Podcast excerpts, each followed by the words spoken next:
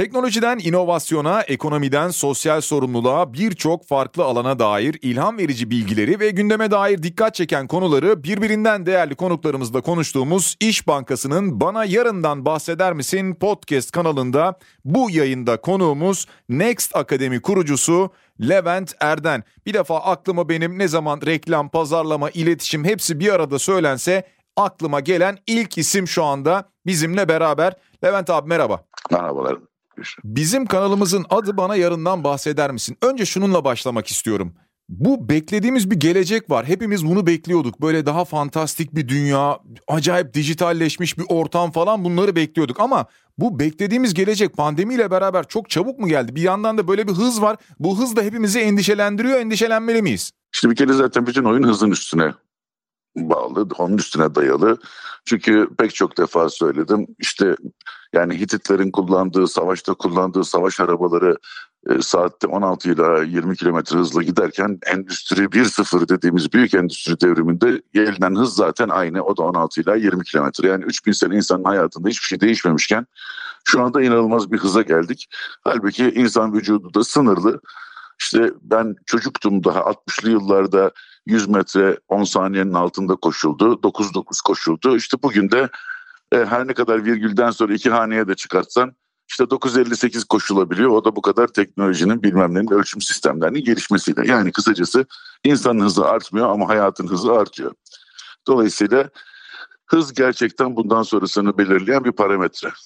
Öbür taraftan baktığımızda gelecek geliyor. Bu bizim acaba beklediğimiz gelecek miydi?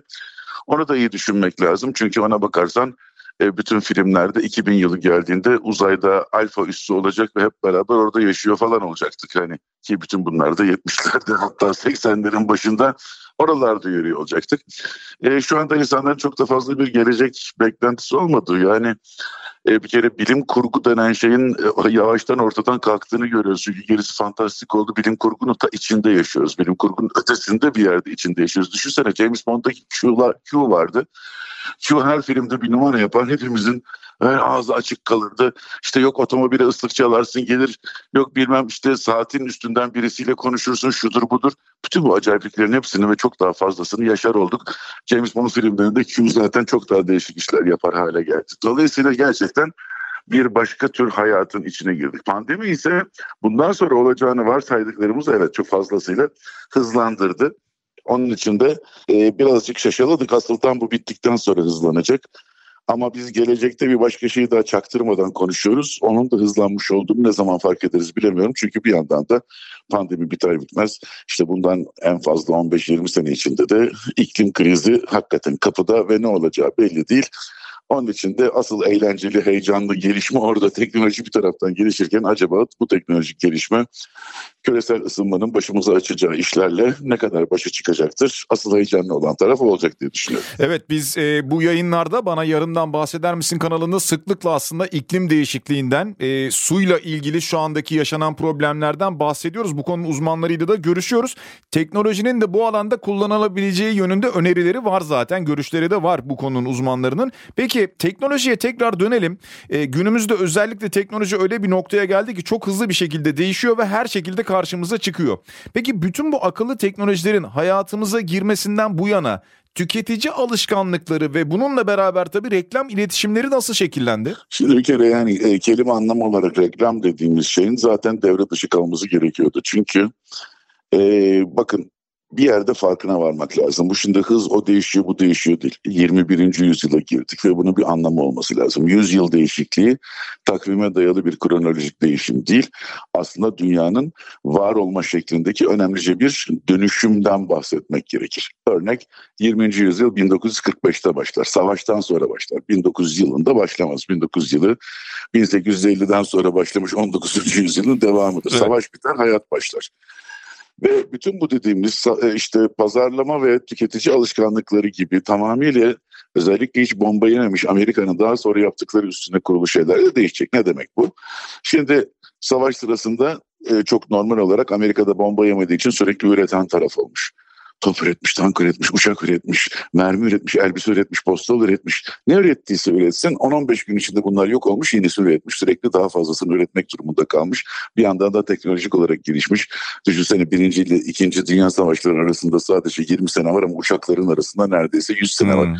Yani birinde şapkalı tekil adamlar uçarken e, öbür tarafta aslan gibi 8 saat havada kalabilen 10 saat havada kalabilen uçaklar evet. yapıldı sonuna doğru. Şimdi bunun sonunda savaş bittiği andan itibaren bu endüstri satabilmek için kitlesel oynadı. Dolayısıyla 20. yüzyıl bir enler yüzyıldır. En çok satacaksın, en çok pazar payını alacaksın, en çok satılan kitap, en çok seyredilen şey, en çok seyredilen televizyon kanalı, en çok gişe yapan bilmem kim, en çok satan şarkı. Bu en çoklara girdiğin zaman da bir facia çıkar. Çünkü her şey kitlesel üstüne kuruludur. Onun için de bu kitleseli de standartlaştırman gerekir. Ayakkabılarını 35'ten 40'a 40'dan 45'e yaparsın. Elbiseler daha da beterdir. 3 harfe tıkıştırırsın. LMS diye. Hadi sonra iki tane de X koyarsın önüne 5. Evet. Dünyanın bütün insanlarına 5 boyun içine tıkarsın. Çünkü kitlesel olabilmenin yolu standartlaştırmadan herkese aynı şeyi vermekten gider. Reklam dediğin şey de bunu kitle mecralarından kitleseli aynı şeyi hayal ettirmek üzerine kurulu. Ve tek yönlü bir iletişimdir. Karşı tarafın ne dediğini sen önemsemezsin. Levent Aslan'dır. Aslan Levent dersin. Ve teori der ki ne kadar çok Aslan Levent dersen karşındaki Levent'in aslan olduğuna yüzde yüz inanmasa da ona yakın bir yerlere gelir diye varsaydı. Hmm. İşte bu 20. yüzyıl. Bunun bitmesi mecburiydi. Zaten çoktan bitmesi gerekiyordu ama hala işte e, bir yerde inanana kadar bekleyecekler diye varsayıyorum. Çünkü 21. yüzyıl ve teknolojiyle beraber önemli olan şey birey oldu. Halbuki 20. yüzyılın kitleseli en küçük ortak paydadır. En küçük ortak payda dediğin zaman en muhteşem film Recep İvedik'tir. En iyi şarkıcılar Demet Akalın'la Serdar Ortaç'tır. Çünkü en küçük ortak payda sığdır, popülerdir popüler olanı yüceltildiği bir yüzyıldan tekil ya da daha dar, daha küçük beğenilerin öne çıktığı, daha küçük zevklerin öne çıktığı, kitlelerin aynı şekilde aynı şeyleri yapmadığı, sürüleşmediği bir döneme geçiyoruz ki işte bu çok da fazla bilinen bir dönem değil. Çünkü şirketlerin özellikle pazarlama pazarlama organizasyonları, pazarlama iletişimi içinde reklam şirketi adı verilen e, ve iş akışları 1960'lardan biri değişmemiş insanları bugün de başa çıkması zor oluyor. Onun için de parçak parçak bir şeyler çıkmaya başlıyor işte efendim e, gençlik ajansı, sosyal medya ajansı, hmm. influencer ajansı, influencerları amuda kaldırma ajansı, medya ajansı, dijital medya ajansı bilmem ne ajansı, PR ajansı ve sonra 26-27 yaşındaki bir marka müdürü ki o da yani o ünvanda ne işe yarar belli olmaz. Karşısında da 25 tane ajansı orkestra etmeye çalışır falan filan. Şimdi geldiğimiz nokta asıl önemli olan şey bu çağla beraber bireyselleştirme, bireyselleşme ya da topluluk bireyselleşmesi yani sadece aynı konuyla ilgilenen insanların bir araya gelmesi ve bir insanın da birden çok şey ifade etmesi. Şimdi televizyonlar bile hala bugün Türkiye'de bak enayi bir sistemde ölçülür değil mi? ABC hatta bir de benim hiç anlayamadığım C1, C2 vardır. Evet. Ama kimse AB, C1, C2'nin nelere göre olduğunu bilmez. Doğru dürüst bir yerde de bulamazsınız ama şu anda beni dinleyen herkese tavsiye ediyorum. Şu televizyonların ölçüldüğü AB, C, C1, C2 gibi şeylerin karşılığı nedir, neye göre ayarlanır, kimdir bu insanlar, hangi kriterlerdir gidip bir baksınlar. Üstelik de bu yani e, artık orası derin tartışma ama hep kitlesel ve büyük bilmem neler yapılır. Halbuki bugün Türkiye'de sırf popüler şunlar bunlarla dahi 140, 150, 160 parametreyle insanları tanırken e, sadece ve sadece üç harfin içine insanları tıkmış 20. yüzyıl anlayışıyla bu işlerin yürümeyişi ortadadır. Dolayısıyla hakikaten şimdi artık o keskin nişancı, sniper shot gibi kimi e, bulmak istiyorsan ona gidebileceğin bir yöntem var. Herkes de zaten kendisine özel bir şey istiyor. Dolayısıyla bu reklam, pazarlama vesaire gibi e, bin, hakikaten e, 20. yüzyıldan kalma düşünce şu anda çatır diyor ama tabii ki e, biliyorsun belli hayvanlar da Afrika'da öldükten sonra boyunları kafalarından düşene kadar koşmaya devam ederlermiş. Hmm. Onlar da öyle yapıyorlar. Peki e, Levent Erden'le sohbetimiz devam ediyor sevgili dinleyiciler. E, şunu soracağım Levent abi sen anlatırken bir yandan eskiyi de düşündüm, geçmişi de düşündüm. Yani geçmişte e, bizim çocukluk dönemlerimizde belki işte ortaokul, lise dönemlerinde e, sanki seçim şansımız daha kolaydı. Çünkü seçenek karşımızda çok daha azdı. Fakat daha sonra e, işte yıllar içerisinde hayatımıza daha fazla çeşitlilik girmeye başladı. Önümüzde seçenekler artmaya başladı ve bu seçenekleri de artık ekranlarda görüyoruz. Yani birçok ekran e, karşımızda var ve burada karşımıza çıkıyorlar. Şimdi bu reklamları nasıl etkiledi ve bizi nasıl etkiliyor? Gerçekten önümüzde çok mu seçenek var bizim? Yani bir kere önümüzde çok fazla seçenek var ama seçenekler dediğim gibi şimdi bu bir kitlesel sorusu hala insanların kitle olduğunu düşünmek. Halbuki herkesin kendi ilgi alanında o kadar seçenek var mı o da tartışılır. Yani basitçe söyleyeyim müzik dinlemek istiyorum dediğin zaman açıyorum bir Spotify gibi yer açtığı zaman tabii ki milyon tane parça var. Ama sen Latin caz ve bilmem ne ve şu ve bu dediğin andan itibaren senin önüne 10 tane bir şey kalıyor zaten. Dolayısıyla artık dar ve hiper dar hedef kitlelerle onların meraklarını konuşuyoruz. Ve üstelik de yani sen güçlü olarak e, belli konularda benimle aynıyken belli konularda tamamen zıt, belli konularda yakın, belli konularda ise işte e, hiç haberdar, ikimizin de hiç haberdar olmadığı yerler var. Halbuki e, bu genelleyen sistemde özellikle bu pazarlama ve reklam tayfasının genellemesinde biz her durumda her yerde aynı şekilde hareket ediyor olmamız gerekir. Şayet benzer yaşlarda ve benzer gelirlerdeysek bu da zaten e, bugün artık anlaşılmaz acayip bir şeydir. Niçin bu kadar data önemli oluyor? E, niçin herkes birbirinin datasını çalmaya çalışıyor? Niçin Türkiye'de 16 milyon kişi 4 gün içinde olan benim acaba verilerimi çalarlar mı diye bir tane kısa mesaj servisinin yanında bir başka kısa mesaj servisinde hesap açıyor. Demek ki herkes verisinin çok önemli olduğunu inanıyor. Demek ki kitlesel ölmüş aslında. Bir taraftan verilerimizi vermek üzere dolayısıyla kitleselin artık bittiğini ve tekil olarak benimle uğraşılacağını bilirken bir taraftan da insanları 3-4 gruba ayırıp hepsine aynı şeyleri vererek doğru olmasını sağlamak. X generation, Y generation diyerek aslında benzer dönemlerde doğmuş insanların dünyanın her yerinde aynı davranacağını düşünme salaklarında bitmesi gerekiyor tabii. Aslında e, bir akademisyen olduğun için abi e, o nedenle Levent hocam da diyeceğim. Şunu soracağım. Markaların iletişim çalışmalarında e, şu dönemde kullanmaları gereken en etkili yollar ne olmalı? Mesela şu anda bizi biraz önce saydığın birçok titir vardı. E, onlar içerisinden dinleyenler vardır muhakkak. Tabii bu bir iki dakikada anlatılacak bir şey değil ama genel hatlarıyla nasıl bir yol izlenmeli? Bak abi çok basit bir şey söyleyeyim sana. E, Türkçe'de pek kullanılmaz ama iletişim dediğin şey yanlış bir laftır. Tamam mı? Yani kullanıldığı şekil yanlıştır. Onun için tek yönlü tek yönlü deyip duruyorum. İletişimin içinde bir tane Ş harfi var. O şey harfi bunun işteş fiili olduğunu yani karşılıklı yapılan bir eylemde olduğunu söyler. Halbuki reklam şu bu değil reklam tek yönlü bir iletişimdir. İletimdir. Levent hmm. Aslandır bir iletimdir. Senin ne düşündüğün önemli değildir. Halbuki hmm. bugün Twitter'a Levent Aslandır yazdığın anda bir saniyenin içinde 20 kişi ne aslanı ya o şişko yaşlı bilmem ne herifin biridir diye altına yazacaktır. Dolayısıyla o dönem bitti yani. Ben tek taraflı söyleyeyim, çok söyleyeyim insanlar inansın dönem bitti. Çünkü anında cevap geliyor. Şu anda iletişimin şeysi hayati. Yani ben söyleyeceğim o söyleyecek. Karagöz'ün başında söylediği gibi. Ben söylesem o dinlese o söylese ben dinlesem diye başlar Karagözler.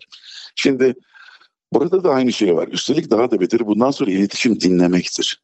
Çünkü gene 20. yüzyıl e, içeride ima, üretimde mühendisler şunlar bunlar bir ürün ya da hizmet geliştirir. Pazarlama bunu nasıl ikna edeceğini anlar. Satışta bu tool'larla gider satar gibi bir 20. yüzyıl mantığı vardı. Hala hmm. satış bölümleri, departmanlar ayrılır. Pazarlama departmanları ona bilmem ne yapar falan filan. Halbuki burada bir tekil ilişkiyle gidiyor bu işi ve en önemlisi adamların ne istediğini duymak zorundasın. Ben yaptım şimdi bunu satın al dönemi bitmek durumunda. Bu gazete, televizyon içinde böyle, bu ayakkabı bilmem ne içinde böyle. Ben yaptım şimdi sen satın alacaksın dönemi 1970'lerden kalma. E, hatta işte bütün e, benzer kitaplarında bahsettiği yer 70'lerdir. Herkes bugün onları okuyup söylemeye kalktığı için e, hakikaten bazı gülüşlerin rektal seviyesinde olmak zorunda kaldığını görüyorum. Yani olamaz çünkü ne oluyoruz yani hani o, o devirden kalma lafları bugün söylememek gerekiyor. Çünkü bugün bu kadar bireyselleşmiş bir yerde ben ürettim şimdi hadi bakayım alın bunları çocuklar devri bitti. Levent Erden aslandır diye yazdım merak edip Google'a. Hemen baktım. Çok güzel e, karizmatik fotoğraflar çıktı karşıma Levent Erden'le ilgili. Dinleyicilerimize onu söyleyeyim ben. Yani ben mesela o dediğin e, ilginç ama ben e, özel olarak Google'da minimum iz bırakmaya çalışan bir insanım. Yani 3-5 tane bana kızan insanın yaptığı salak magazin haberi ve e, televizyonda yaptığım şeyler haricinde e, benle ilgili Google'dan çok az şey bulunmasına mesela acayip özen gösteren birisi. Normalde bulunmaz. İşte eksi sözlükçü dostlarında arada bir işte kim kızarsa salladığı daha acayip bir yere geldiği için onları da düşünmezsen benim hakkımda az şey bulundur. Yani yaptıklarımla Google'daki karşılığında çıkanlar arasında galiba sağlam bir asimetri olduğunu düşünüyorum. Bunda da başarılı olduğumu gösteriyor bana. Ne güzel. Peki e, biraz önce işte gazetelerden bahsederken biraz geleneksel medyayı soracağım ben. Gazete, televizyon hatta radyo bizim de içinde bulunduğumuz e, böyle bir hayat. Acaba bunlar ileride hayatımızdan tamamen çıkar mı? Böyle bir şey öngörebiliyor musunuz? Şimdi insanların haber ihtiyacıyla buna nasıl ulaşacaklar orada açı. Bak 2000'leri yılların en başından çıkan bir kavram var değil mi? Aracısızlık. Medya kelime anlamı zaten arada olan demek. Dolayısıyla ben e, güçlüyü dinleyeceksem güçlüyü ya da ne dediğini merak ediyorsam Twitter hesabından bile takip edebiliyorum. İlla onu şurada ya da burada dinlemek zorunda değilim. YouTube hesabından seyredebiliyorum. Bilmem nereden görüyorum. Oradaki yazılarını okuyorum. Acaba medya dediğimiz şey bir aracı olarak ve dolayısıyla editörlük seçme ve yerleştirme hakkını kendinde bulan bir yer olarak zaten kalkmak zorunda. Yani önemli olan medyanın orada kimlerin hangi haberi göreceğine karar verip kimlerin hangi haberleri göreceğine karar vermeme yetkisinin bir başka şekle girdiğini düşünüyoruz. Çünkü şu anda sosyal medya dediğin yerde tabii ki e, bu daha da beter bir şekilde yapılıyor. Çünkü benim her yerde bahsettiğim algoritmokrasi başladı. Çünkü algoritmaları öyle bir dayıyor ki senin önce kimi göreceğini, kimi görmemen gerektiği, kimin ne zaman e, ve niçin göreceğini hesaplayan algoritmaların içinde kalıyorsun. İşte belki biliyorsundur ben her pazar günü Instagram'a yumurta koyarım. O tamamıyla e, bir iddia üzerineydi. Amerikan kitapları çıkmadan önce e, Instagram'dan marka yaratılır mı diye marka dersinde ne anlatıyorsam içine koydum. Herkes de işte yani beni takip eden herkes de pazar yumurtasını biliyor. Ben ortalama haftada bin tane yumurta fotoğrafı alıyorum. Ama bunu yaparken aynı zamanda pazar sabahları bir dönem çift yumurta koydum. Araları işte 3-5 saniye olsun. Evet. Bilemedin 10 saniye olsun. Ama birini 5 bin kişiye gösterdi, birini 55 bin kişiye gösterdi ve bunun kararı benim değildi, algoritmalarındı. Dolayısıyla benim söylediklerimi kimin duyup kimin duymayacağını, niçin duyacağını gene de işte yazılmış algoritmalar karar veriyor. Ama eski tür medyadaki seçicilik. E, bunlar şunu görsün, bunlar bunu görmesin ya da ben medyayı tuttuğum andan itibaren her dakika bunu konuşurum ya da ihtilal yaptığım sabah önce radyo evine giderim 1960'ta olduğu gibi diyemezsin artık. Tabii öyle bir haldeyiz doğru. E, bu arada Levent Erden'in Instagram hesabını takip etmenizi öneririm. E, sadece yumurta değil pazar günleri e, çok güzel paylaşımlar var gerçekten. Peki şunu soracağım. Online alışveriş acaba insanların tüketim alışkanlıklarını değiştirdi mi? Yani bize sanki değiştirmiş gibi geliyor ama belki de e, normalde fiziken yaptıkları alışverişi mi online'a taşıdılar yoksa online alışveriş karşımıza başka imkanlarda sundu mu? Şimdi bu tabii biz e, bunu nedense yeni yeni tartışmaya başladık ama e, örnek Amazon e, internetin çıkışıyla beraber çıkmış bir şey ve herkes Amazon'dan aslan gibi kitabını ve o zamanlar CD'ler ve plaklar halinde satılan müziğini oradan alıyor. Evet. Sebebi neydi? Her yerde aynı şekilde satılan malı alıyordu. Yani kitap her yerde aynıdır. İngiltere'de, Fransa'da, Almanya'da da alsan satın alsan aynı basılmış kitabı aynı alırsın. Ee, CD keza öyle. Herhangi bir yerin havaalanından da alsan, şehrin içinden de alsan, gelip Türkiye'den de alsan o CD o CD'dir. Dolayısıyla bu fark etmediği için iş oradan başladı.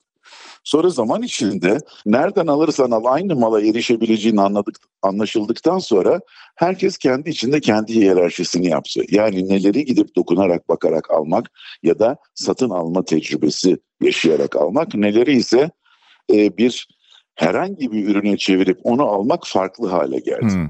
Dolayısıyla bir kere büyük şehir diye bir sorun var değil mi? Yani evet. bu pandemi döneminde en çok hepimizin başına gelen şey var. Ya bir hiç hepimiz düşündük, hayal etmiştik değil mi? Çok paramız olursa neler alırız, işte ne yaparız, nerelere gideriz, tatile mi gideriz, neler satın alırız diye. Evet. Ama çok zamanımız olursa ne halt ederiz diye hiç düşünmemiştik. Ve büyük şehirde yaşayan bir insan birdenbire 2-3 belki de daha fazla saati kazanıverdi evde kalınca. Evet. Hiçbirimiz günde 3 saat bana zam yapılırsa ne yaparım diye hayal etmemiştik. Onun için başında herkes kapı aralarında amuda kalktı, ekmek yaptı falan. Bak şimdi amuda kalkanlar ekmek yapanlar kalktı. Çünkü ne yapacaklarını, kendileriyle nasıl bir ilişki kuracaklarını bilmiyorlardı. Şimdi dolayısıyla insanların zaman yani bu hızdan bahsettik ya başında. İnsanların zamanı daraldıkça, kıtlaştıkça o zamandaki tatminlerini maksimize etmek üstüne uğrayacak, uğraşacaklardır. Dolayısıyla her aynı zaman birimi içinde çok daha fazla şey yapmak zorundayız. Onun için her şey kısaldı zaten. Onun için 2-3 ekran birden kullanıyoruz. Onun için bir tarafta bir, yani mesela diziler için yavaş ve enayi diyoruz. Çünkü adam aynı anda Twitter'dan başka bir şeye başlıyor. Instagram'da bir şeye bakıyor. O sırada diziye bakıyor. O sırada bilmem nereden bir şey dinliyor. Çünkü aynı anda o kadar fazla şey yapmak zorundayız ki. Çünkü zaman çok değerli, an değerli her birine yetişebilmek lazım. Bunları sıraya koyamazsın. Pek çoğunu aynı anda yapmak zorundasın.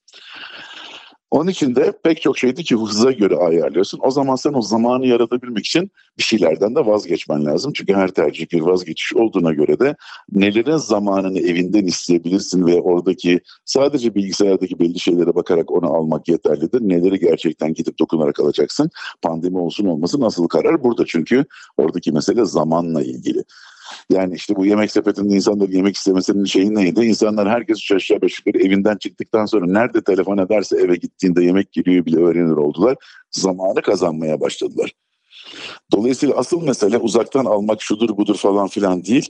E-ticaret değil asıl zamanı nasıl değerlendireceğin ve çeşide nasıl ulaşabileceğin. Çünkü e, her şeyden önce bir kere karşılaştırmayı buradan yapıyorsun. Yani herhangi dedik ya bir arz patlaması var diye tamam alacağım konuda 10 tane ürün varsa ben 10 tanesine bakıp belki de önce bunları ikiye indirip ikisini gidip görüyordum eskiden. Şimdi o ikisinden birini de evde seçiyorum. Ama hiçbir zaman gidip de 10 dükkan gezilmiyordu anneannemin yaptığı gibi. Dolayısıyla şimdi zamanını değerlendirmek üzere tabii ki burayı daha fazla asılıyorsun. Asıl sebep buradaki zamanın kıtlığı ve zamanı değerlendirdiğinde ya da aynı zaman dilimi içinde yapmak istediğin şeylerin çokluğu ve oradaki tatminin her insanın bunun hesabını kitabını doğal olarak maksimize etmek üzere yapmasındandır. Biraz önce anlatırken aklıma geldi. İnsanlar aynı anda mesela televizyon seyrederken veya işte dizi izlerken fark etmez bir program izlerken aynı anda işte Twitter'a giriyor. E, Twitter'dan birden Instagram'a geçiyor. Veya işte Snapchat kullananlar var, TikTok'a bakanlar var. Hı? Reklamcı nasıl hareket edecek bu pozisyon karşısında? Nasıl bir pozisyon alması gerekiyor? Reklamcı reklam yapmayacak zaten. Yani reklam dediğin tek yönlü iletişim bunun başka tür ilişkileri kurabilmek zorundasın. Mesela senin müşterinle aranda bir ilişki olması lazım. Dolayısıyla o ilişkiyi kurup yönetmek durumundasın. Bu ilişkiyi nasıl kurup yöneteceğine bağlı. Yani mesela güzel bir laf var. Türkçe tercümesi zor oldu ama ben e, söylediğimi umarım kabul edeceklerdir. Engagement diyor. Ben nişanlanmak diyorum direkt kelime anlamda. Yani satın almak, evlenmekse onun bir öncesi nişanlanmaktır. Dolayısıyla müşteri içeriye alma. Bir ilişki kurmak zorundasın ve ilişkiyi e, sürekli olarak geliştirmek zorundasın. Gel al tak tuk bak çünkü bunun içinde bilmem ne var. Yani şimdi bütün eski usul bitti. Teknoloji o kadar ileride ki sen benden e, ileride ne bulursan bul zaten ben 3 hafta sonra aynı ürünü yapabilir, aynı hizmeti verebilir hale geliyorum. Dolayısıyla tekil hizmet falan kalmadı. Ya da işte benim rekabetçi farkım bu yok. O farkların hepsi çok çabuk kapanıyor. Dünyanın en baba ilaçları bile 6 ay sonra lisansları açılıp işte arkasından e, jenerikleri gelmeye başlıyor. Onun için buradaki müşteriyle olan şey tamamıyla bir ilişki üstüne kurulmak zorunda. Ve bir anlam üstüne kurulmak. Marka dediği şey anlamdır. Ama sen sürekli olarak bütün bunlarla başaramadığın için e, fiyat işi yapabiliyorsan ve sürekli olarak fiyat duyurmaya kalkıyorsan bu iş olmayacaktır. Levent Erden atasözü fiyat pantolon gibidir. İndirdiğin zaman bir daha yukarıya çıkartamazsın. Popon açıkta kalır. Fiyatla oynama. Ya o zaman peki markaların biraz tüketiciyi veya müşteriyi nerede bulacağı da önemli. E, nasıl bulacaklar? Yani tüketici müşteri ha nerede nasıl bulacaklar? E, müşteri rotası dediğimiz şey var çünkü müşteri tek bir yerde bulunmuyor.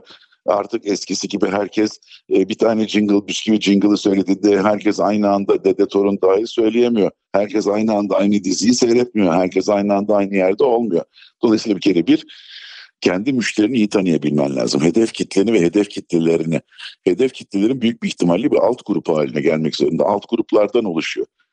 Bunların içinde de kendisine göre önceliklendirilmen olsun. Önce beni kim görmeli? Mutlaka olmalı. Olsa iyi olurlar vesaire deyip onlara onların hayatındaki rotayı görüp o rotanın nerelerinde yakalarsam benim için en doğrusu oluru görmek zorundayız. Zaten işte bu reklam ajanslarının şunların bunların da yapısal olarak işe becerebileceklerini söyleme sebebim bu. Çünkü onlar genelde tek bir şey yapıp her yere uyarlarlardı. Yani televizyonu film yaparsan aynısından bir fotoğrafı basına koyarsın işte billboard'a koyarsın falan hayat iyi giderdi. Şimdi öyle ki her yerde farklı insanlara farklı şeylerini söyleyebilmek zorundasın. Yani bir tane omurga söylemin olabilir. Her yerde geçerli ama ondan sonra her hedef kitleye onlara uygun bir şey söylemek zorundasın. Yani bir insana dair bir şey söylüyorsan ondan sonra omurgadan o omurgadır. Omurgadan her e, ele kola bilmem nereye giden sinir ucuna başka şey söylemek durumundasın. Doğal olarak da farklı yerlere farklı şeyler söyleyebilecek ve bunu çok hızlı yapabilecek yapılanmalara ihtiyaç var. Ve şu anda e, hatta bir de böyle reklam ajansı çok stratejik bir yer olması gerekirken orayı çok kreatif diye böyle bir yaratıcı diye çok seksi havalı laf söylerler. On, onları bir de ayırırlar. Kreatifler çalışanlar müşteri ona gider onu söyler. Müşteriden brief alınır, gelinir, tartışılır, yazılır, yapılır, müşteri gider. Sonra kötü Türkçeyle revize geldi denir akşam. Onlar bir de Abi üç günde cevap verirsin, dört günde cevap verirsin. Bu savaş gibi karşıdaki mermi atıyor. Sen gidelim şimdi tüfek arkadaşlar düşünsün hangi mermi falan. Yok böyle bir numara abi. Buradaki hıza uyabilecek aynı anda 6-7 ayrı alt hedef kitleyi nerede yakalayıp onlara nerede ne söyleyeceğini bilen yapılar olması lazım. Şimdilik bunu 36 tane ajans aynı anda kullanarak yapmaya çalışılıyor. Böyle bir şey söz konusu olamaz. Dolayısıyla bütün savaşlarda olduğu gibi bu 36 tane ayrı e, araç kullanılacak olsa dahi bir kişinin çok tepeden olarak nerede kim nasıl yakaladığını bir kişi derken yani bir başka elden tek elden bunların görünebildiği yapılara doğru geçilecektir. Bu da zaten doğum sancıları çekiliyor. Ama 1960'tan beri yani Mad Men'deki reklamcılıkla televizyonda gördüğümüz bugün arasında çok da fark yok. Yani orada tuvaletin kenarında oturan adam televizyoncuydu. Şimdi tuvaletin kenarında oturan adam VR'ci falan. Şimdi asıl bundan sonra daha büyük değişiklik geliyor. Şimdi buraya kadar iyi de arkadan karpuzcu geliyor fıkrasındaki gibi arkadan Web 3.0 geliyor. İşte bugüne kadar hayat kolaydı ve daha bugün yakalanamadı ama bir sonrası geliyor. İstiyorsan zamanın burasında iki dakika ondan bahsedeyim. Lütfen. Şimdi normal olarak Web 3.0'a geçiyoruz. Web 1.0 bildiğin işte 94'ten 2005'e kadar falan olan e, web'ti. Yani teletext'ten biraz daha iyi sayfalar. Evet. Neredeyse fotoğraf yok. İşte bağlanırken MR'da geçirdiğin sesler var. evet öyleydi. Pul kadar çamur gibi basılacak bir fotoğraf için falan. Sonra 2005'ten sonra bulut geldi ama bunun hayata geçmesi yani sosyal medyanın çıkması falan 2007-8'ler çıktı. Asıl konsolidasyonu 2011 oldu. Ondan sonra baksana işte sosyal satış, sosyal pazarlama bilmem ne diyoruz. Benim tanıdığım bazı şirketler web sitelerinden çok Instagram veya da başka şeylerin üstünden yaptıkları farklı tekniklerle inanılmaz satışlar yapabiliyorlar. Ajansları falan bundan haberleri yok ama nasıl farklı hedef kitleyi farklı hesaplar üstünden tutup onları da oradan direkt satış yapılması falan gibi hmm. araçlar geliştiriliyor. Dolayısıyla bunlara uyanlar ancak bunlarla beraber gidecekler ve başka şey olacak. Her neyse ama e, Web 2.0 ile beraber bulut geldi. Böylece işte filmleri, fotoğrafları falan yüklemeye başlayabildin ve başka bir dünyaya geçtin. Üstelik burada da önemli bir şey oldu. Fotoğrafları paylaştın ama video paylaşmadın. Hikaye paylaştın. Evet. Dolayısıyla herkesin bir hikayesi olması gerektiği, dolayısıyla markaların da hikayesi olması gerektiği iki tane e, al beni hopla beni tut beni minareden aşağı at beni in aşağı tut beni falan filanların çok da fazla çalışmadığı bir başka döneme girdik. İnsanlar gün sokaklarda o şeyleri söylemez oldular. Şimdi bütün bunların içinde Web 3.0 geliyor daha doğrusu geldi. Ve Web 3.0'ın en büyük özelliği bir kere hız. 5G e, ile beraber demek ki bundan 5 ile 6 sene içinde bu hız bugünkünün 100 misline çıkacak. Hı hı. Yani Japonya'daki bir adam e, joystickleriyle Kenya'da bir ameliyatı fiilen yapabilir hale geliyor. Şu anda da var da altyapı çok pahalı olduğu için hı hı. hani e, yok. E, aynı zamanda da ekranların büyük bir kısmı ortadan kalkıyor ve giyilebilir teknolojiye giriyor. Çünkü bunun en büyük özelliği mekansal internet yani oyunu oynayacaksan mekanın toplum içinde oynadığın gibi konser seyredeceksen bunu sahnenin en önünden e, maç seyredeceksen antrenörün yanından maçı seyredebiliyorsun. E, hatta işte bu zoomlar mumlar gibi karelerdeki toplantılardansa holografik olarak herkesin hmm. aynı yerde aynı mekanda bulunduğu toplantılara geçebiliyorsun. E, tabii bunlar, bu, bu bir kıl daha sonra olacak ama fark etmez. Hmm. hızlı erişmen, yani altyapının o hızlı erişmesi lazım. Her yerde aynı altyapı olduğunda bunlar olabilir. Ama şu anda hepsi var. E, ve bütün bunlar hatta geçen sene çıktılar ama pandemiden dolayı çok gürültü edilmedi. Bu senenin e, son çeyreğinde bence patlamaya başlar. E, etkilerini de 2025'ten itibaren görürüz. 2025 dediğin yarın. Yani maçları içinde seyrettiğin, e, dizilerin kenarında oynadığın, böyle AR, VR falan filan diye kenarından küçümsenen hmm. şeylerin hayatın ta kendisi haline geldiği. Dolayısıyla gerçeğin sanal mı bilmem ne mi olduğu bilinmeyen, dolayısıyla herkesi toplu olarak milyon milyon bulamayacağın, farklı ilgi alanlarını farklı yerde bulabileceğin şeyler var.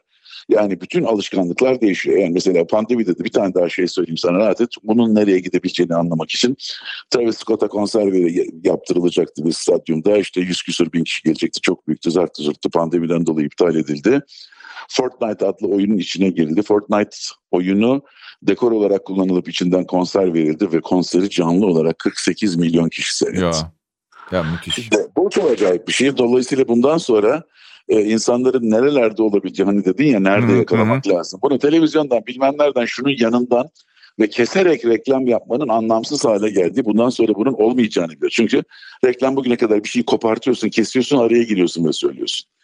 Bu maçın arasına giriyorsun, bilmem nereye giriyorsun. Her yerde hmm. aynı şey. Yola böyle giriyorsun. Yani hep araya girip insanların rahatsız edici. Dolayısıyla insanlar bunu istemiyorlar. Bir ilişki içinde istiyorlar. Çok normal. Onun için de zaten e, pek çok yer reklamsız ve karşılığında para vermeyi insanlar kabul ediyorlar. O zaman da bundan sonra bir başka ilişkinin içine gireceksin. Halbuki orada ne için biliyorlar. Netflix'e gidiyorsun.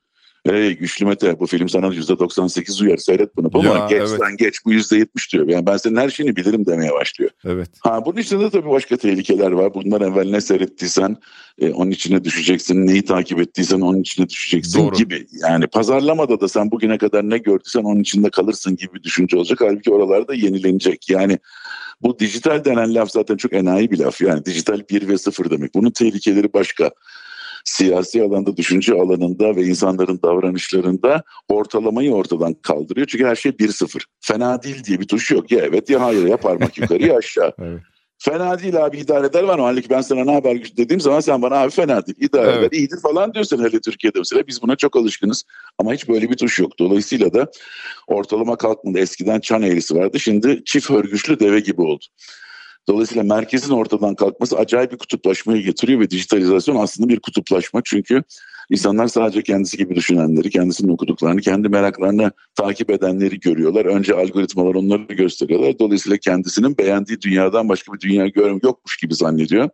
Onların olduğunu fark ettiğinde de çok şaşırıyor. Dolayısıyla dijital dijital tehlike bu. Reklamcı da bu tuzağa düşüyor diye korkarım. Anlattıklarınla beraber gerçekten ben de bir yandan böyle ağzım açık bir şekilde dinlerken bir yandan da acaba Next Akademi'ye nasıl dahil olsak da biz de izlesek diye düşünmeye başladım.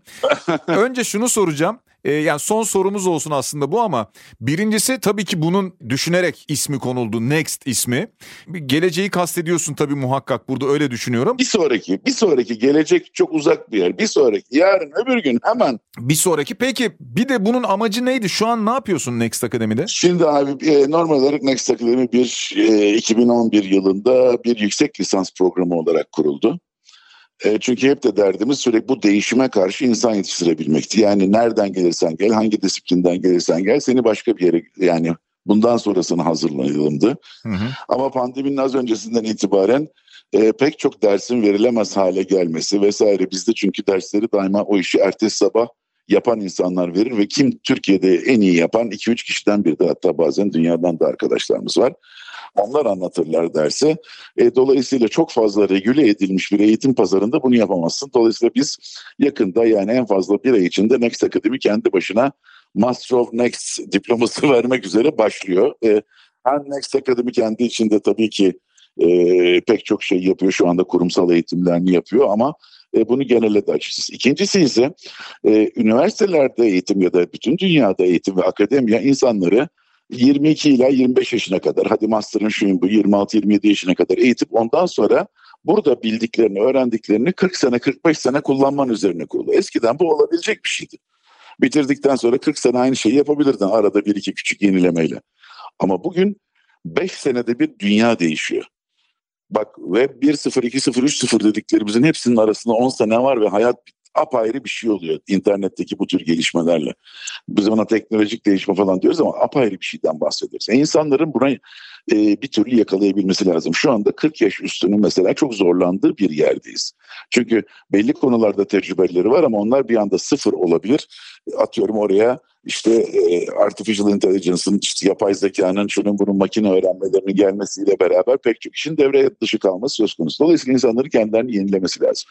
Bizim de Next Academy'de yaptığımız şey e, normal yani okulu bitirip gelmek isteyen öğrencilerin yanı sıra özellikle de 35-45 yaş arasındaki e, orta kademe yönetici olup da e, her an için aşağıdan gelenlerin tehdidinde olup konfor zonu olan bugüne kadar öğrendiklerini korumak yerine yeniye nasıl adapte olabilir, nasıl anlayabilir ya da hatta hatta zaten e, bunun bilincinde olup da daha fazla yeni peşinde nasıl koşar e, diye uğraşabileceği bir yapıyı kuruyoruz. Yani hakikaten geleceği ayarlamaya çalışıyoruz. Bir başka tabirle biz buna pit stop diyoruz. Hani biliyorsun Formula 1'de yarışın arasında zırt diye girer abi aşağıya kenara Orada işte e, benzinini de verirler, lastikleri değiştirirler, aküyü bile değiştirirler, kafana tak tak vururlar devam edersin. Biz de birazcık onu yapmaya çalışıyoruz. Çok kısa süre içinde insanların gelip işleri devam ederken e, bir anda kendilerini yeniye adapte olabilecek, anlayabilecekleri bir sistemin içine sokabilmek. Hem de böyle akademiyanın işte 14 hafta bilmem ne bir buçuk senede onu yapacaksın orada falan filandan çok daha kompakt bir şekilde ve daha kısa sürelerde daha derin yapıp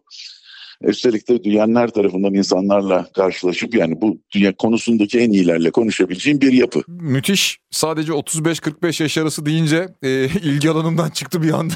Niye ya sen yani böyle bir, Niye böyle bir o da güzelmiş valla. Çok güzel. Hayır canım genellikle oradaki yöneticiler dedim. Yoksa herkes açık. Unutma yani tamam. sürekli gelecekten bahseden bendeniz e, şu anda gerçekten Türkiye'nin son yüzde biri içine girmeye başladım. yani şöyle söyleyelim e, eğitim, bilgi, kültür açısından olabilir. Aksini düşünmüyoruz zaten. Peki e, Levent Erden çok teşekkür ediyoruz katıldığınız için. Ben teşekkür ediyorum.